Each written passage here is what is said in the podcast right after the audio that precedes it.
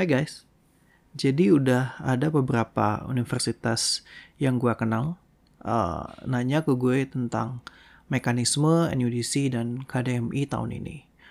Uh, gue tahu kalau sistem NUDC dan KDMI sekarang pindah jadi daring atau pindah jadi online, and things get pretty hectic lately since ada banyak universitas yang ngerasa ah enggak lah NUDC KDMI pasti dipushnya jadi tahun depan terus uh, nggak mungkin lah kalau misalkan tahun ini diadakan karena kan ada covid dan lain-lain. It turns out uh, shockingly uh, ada berita kalau NUDC yang KDMI diadakan secara online dan bahkan uh, sosialisasinya udah dilaksanakan kan.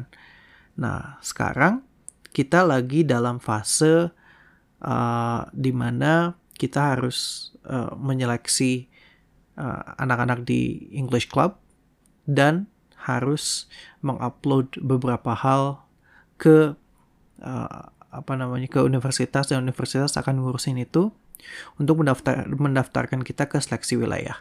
Nah di episode ini gue pengen ngejelasin tentang mekanisme NUDC dan mekanisme KDMI yang gue pelajari di sosialisasi um, yang udah diadakan sama pusat prestasi uh, pusat prestasi nasional di YouTube ya.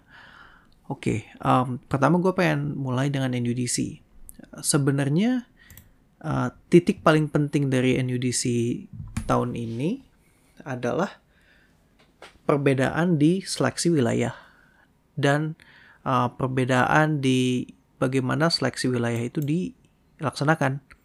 Nah, mungkin uh, hal paling mudahnya adalah gue pengen ngejelasin perbedaannya karena uh, gue yakin yang dengerin podcast ini udah pernah at least ngedengar NUDC atau udah pernah bahkan ikutan NUDC uh, jadi penjelasannya akan lebih mudah oke okay. perbedaan paling kontrasnya adalah pertama semua um, penilaian NUDC nasional eh sorry Indonesia penilaian NUDC wilayah akan dilaksanakan secara daring secara online dan ada perhitungan skor dari portofolio.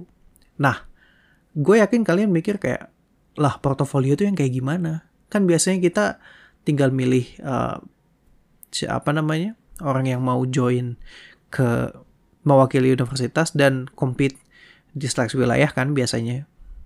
Uh, gini aja deh. Yang paling gampangnya adalah portofolio universitas kalian yang debate related selama tiga tahun terakhir Berarti tahun 2017, 2018, 2019, uh, 2020. Tapi kayaknya kalian bisa include dari 18, 19, 20. Kayaknya itu lebih concise deh. Nah, pertanyaannya adalah portofolio siapa? Uh, portofolio tim atau portofolio kampus? It turns out yang paling penting adalah portofolio kampus selama tiga tahun terakhir yang berkaitan tentang debat. Nah, portofolio yang seperti apa contohnya? Uh, gue yakin kalian udah punya juknisnya di tangan sekarang. Dan di juknis itu tertulis kalau, oh iya kompetisi seperti OIFED, JOVED, yang lain-lain.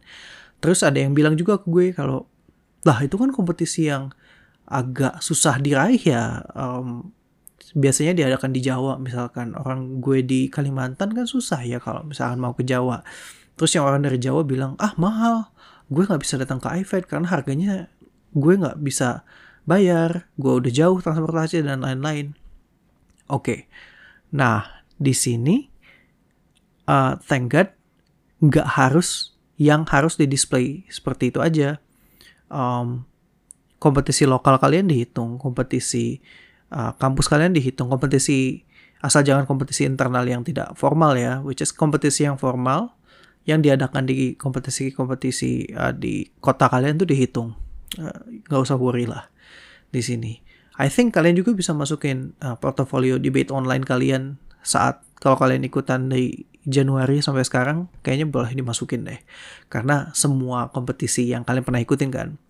Uh, gua saranin masukin portofolio di mana kalian jadi partisipannya juga walaupun nggak break atau apa pun which is fine karena yang dicari adalah yang penting kalian aktifnya dulu sebelum kalian uh, menangnya. Of course kalau menang obviously um, nilai portofolionya akan jauh lebih tinggi, tapi kalian masukin aja semua. Alright. Itu untuk urusan portofolio.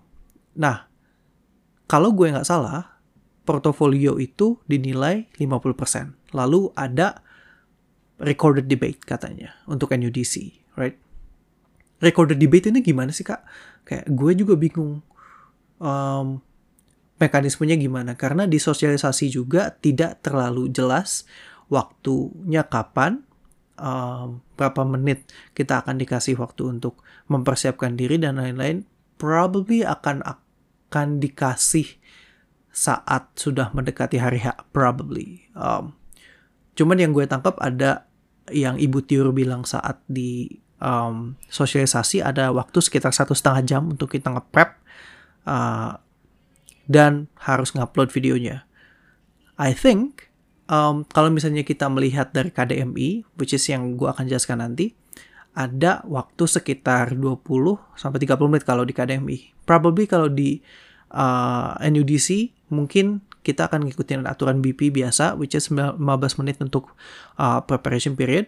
Terus akan dikasih waktu sekitar 40 menit probably untuk ngupload videonya.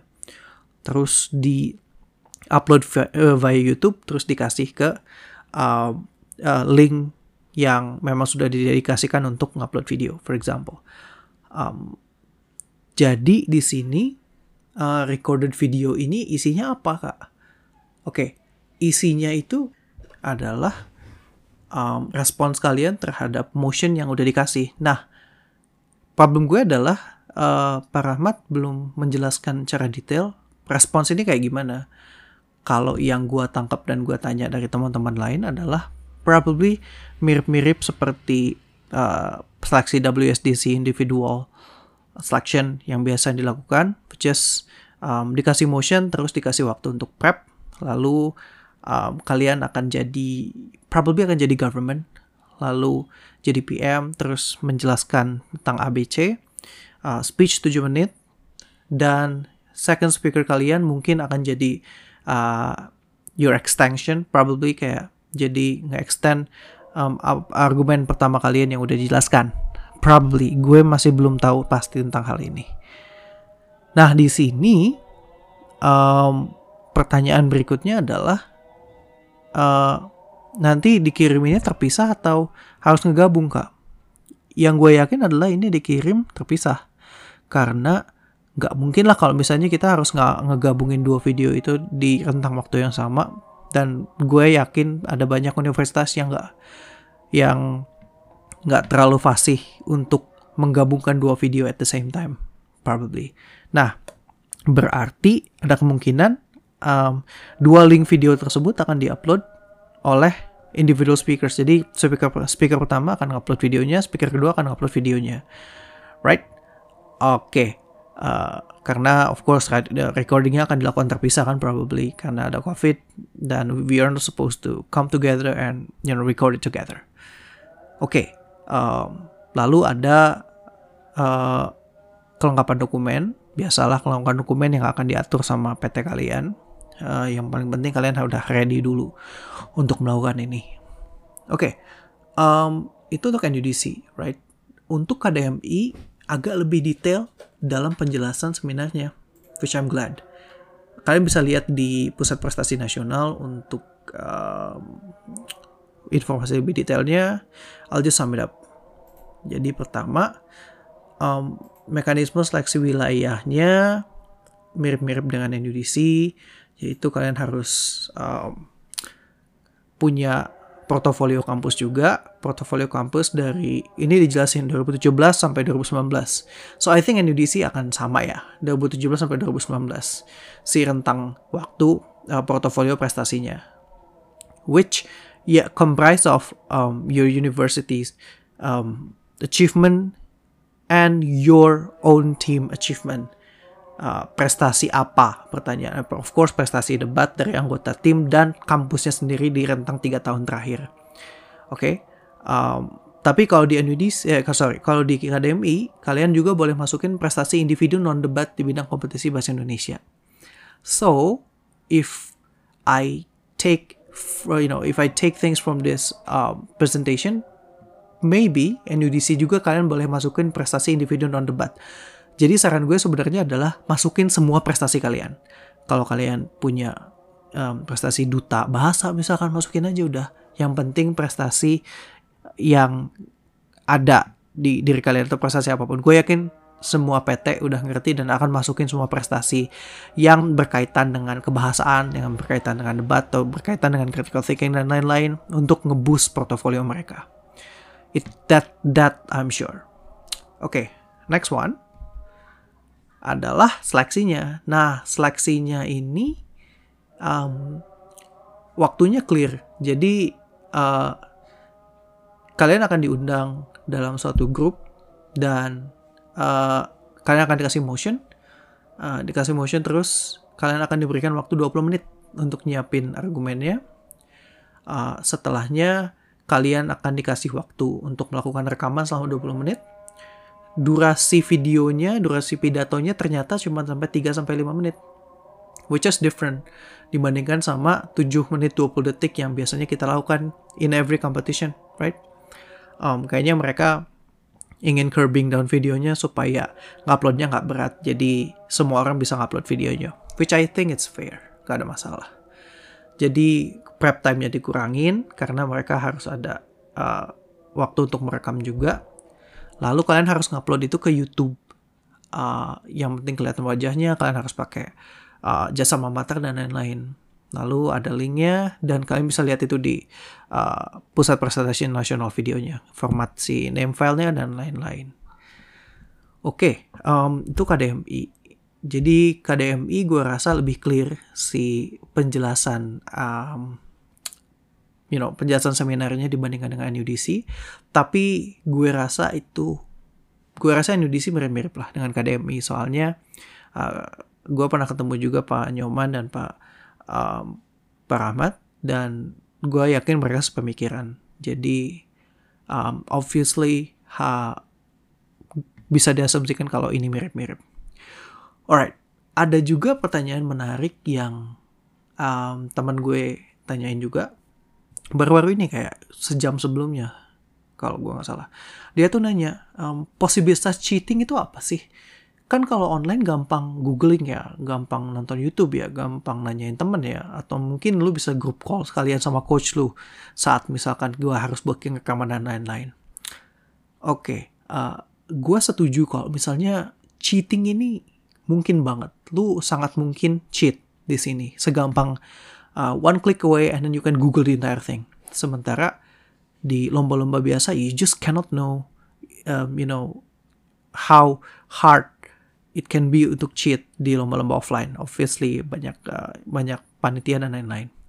So um, argumen yang paling solid di sini adalah everybody has the same opportunity to cheat. Therefore, gua nggak bilang ini justified and therefore it is possible for everybody to cheat at the same time. Tapi um, despite all these circumstances, menurut gue, you just cannot cheat your capacity as a person di waktu yang sesempit itu. I mean, di KDMI ini 20 menit case build 20 menit ya rekaman dan 5 menit speech. I don't think lu punya waktu sebanyak itu to cheat. Um, there are some window of opportunity tapi menurut gue nggak nggak nggak sesignifikan itu loh. Jadi um, pertanyaan tentang cheat probably it exists probably a lot not lots of people several teams probably cheat dan mungkin case build bareng gurunya which I think is very possible. Um, should I take the opportunity? Obviously no. Um, that's morally wrong dan ngapain lo lomba kalau misalkan lu cheat. Like it doesn't benefit you, it doesn't benefit anybody else unless you want to flex on your losses. Karena menurut gue pada akhirnya kalau lu cheat, you gonna lose to some um, people yang udah latihan setiap hari and it being internalized um, in their mind how to like you know bikin argumen, um, cara speech yang benar, structure. I don't think you can cheat that. I don't think you can cheat a performance in front of a microphone. Um, and you just know when people cheat. You just know when people take a look at their Wikipedia and then just you know a verbatim reading it uh, onto the you know onto the screen. I don't think lu bisa cheat di sini ya. Um, seperti yang Pak Rahmat bilang juga, uh, invited adjudicators akan ngecek video kalian dan dan mereka akan akan tahu kalau um, hasil yang kalian lakukan itu cheating atau enggak. I mean, I've judged before um, se several uh, teams yang gue tahu mereka ngopi dari Google karena mereka baca uh, karena ada ada bedanya gitu loh saat mereka speech yang mereka buat. Dan tiba-tiba mereka mereka menggunakan vocabulary yang tidak uh, mereka gitu. Dan tiba-tiba bahasanya jadi lebih baku bahasanya jadi lebih scientific for example. Dan tiba-tiba muncul nama orang dan angka. Gue yakin itu Google dan mereka nggak bisa merangkum informasi itu jadi sesuatu yang lebih tangible di argumen mereka. Which I say well sure that's their problem. Dan even though argumennya sound it doesn't hold up gitu loh. Gue yakin uh, kalau misalnya yang Google Google gitu pasti ada bolongnya yang nggak akan ada di orang yang latihan setiap hari. Dan memang itu hasil dari pemikiran mereka. Look adjudicators like me always know kalau misalnya kalian tidak mengerti uh, materi yang kalian bawakan. So just don't try that because we know. Uh, oke okay. I think um, itu pertanyaan yang banyak di uh, diajukan ke gue dari universitas-universitas yang lain. I hope it answers things. Um, saran terakhir adalah please make sure that your hardware is adequate. Oke, okay? um, siapkan mikrofon yang jelas, siapkan internet yang jelas, siapkan webcam yang jelas, and all of those things. Gue tidak akan bilang kalian harus pakai smartphone. Um, smartphone is suck. Okay, you just cannot rely on their connectivity, on their video and such, unless smartphone kalian iPhone latest edition atau sesuatu yang lebih bagus. Um, cause computer is king, you know. Um, mereka bisa nge-receive um, microphone sounds lebih baik, noise reductionnya lebih oke. Okay. You can also use Audacity, for example, buat ngedit um, audionya and so on. Jadi saran gue adalah siapkan hardware yang adequate untuk nyiap uh, untuk lomba tersebut. Karena who knows kalian masuk nasional kan um, like it is far more important to prepare now um, than never. Karena you know there's no losing side on this. Kayak microphone kalian bisa pakai di kelas zoom anyway. Webcam kalian bisa pakai untuk sidang kalau mau skripsi misalkan. Why not? Um, this covid was going to be there for a very long time and then what you need to do is to be ready. Okay? So uh, be ready and calm down karena gue yakin banyak universitas yang juga shock dengan COVID ini dan banyak juga universitas yang tidak mengerti how to approach this, how to uh, how to care of other competition while our lives are in jeopardy anyway. Maka dari itu, just stay safe and if you have any questions, just uh, shoot me a question on my YouTube uh, debate vlog and then you can fire up a comment there. um, atau you can reach out to my discord. Um, Arifinara you can just like search it out. And you can also search my facebook or uh, instagram with the same name Arifinara Hernawan. You can just like search it out and I will answer the questions for you. And I hope that helps. Okay. So I hope that you are well and you can compete to the nationals and I hope that the my uh, explanation works out for you so well. Okay, thank you for listening. I'll see you then.